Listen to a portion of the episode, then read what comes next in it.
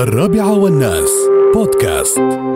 حذر مختصون في علم النفس والاجتماع من خطورة تحدي جديد انتشر عبر منصات التواصل الاجتماعي ووصل إلى الدولة يدعو الأطفال إلى شنق رقابهم ما يهدد بالموت وتداول المواطنون فيديو لطفل يدعى راشد في المناطق الشمالية تعرض للخنق من أحد زملائه في المدرسة إذ ربط الأخير حبلا حول رقبته لخوض لعبة تحدي الخنق التي يروج, يروج لها أو يروج لها عبر مواقع التواصل الاجتماعي وكاد الطفل يفقد حياته لولا إنقاذه في اللحظات الأخيرة فيما خلفت التجربة جرحا في رقبته وتغيرا في أحباله الصوتية وانتشر عبر مواقع يوتيوب مقاطع فيديو المراهقين يربطون حبالا حول رقابهم لمدة عشر دقائق من أجل الفوز بالتحدي. الله يجيرنا إن شاء الله.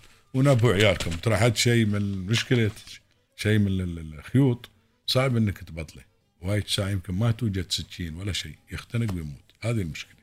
اي شيء من الخيوط يتبطل لكن شيء من الخيوط يوم تربطه خصه من شر الخيوط مال جواتي يوم تربطه هذا ما يتبطل. في الحين أغلب الخيوط اللي مسوينها الجديدة الحين التقنية تربطها ما تبطل يلا يلا بالسكين تنقص. فالله يستر. وبينا بعد في الله يستر من الجابلة شو الجابلة ما ندري.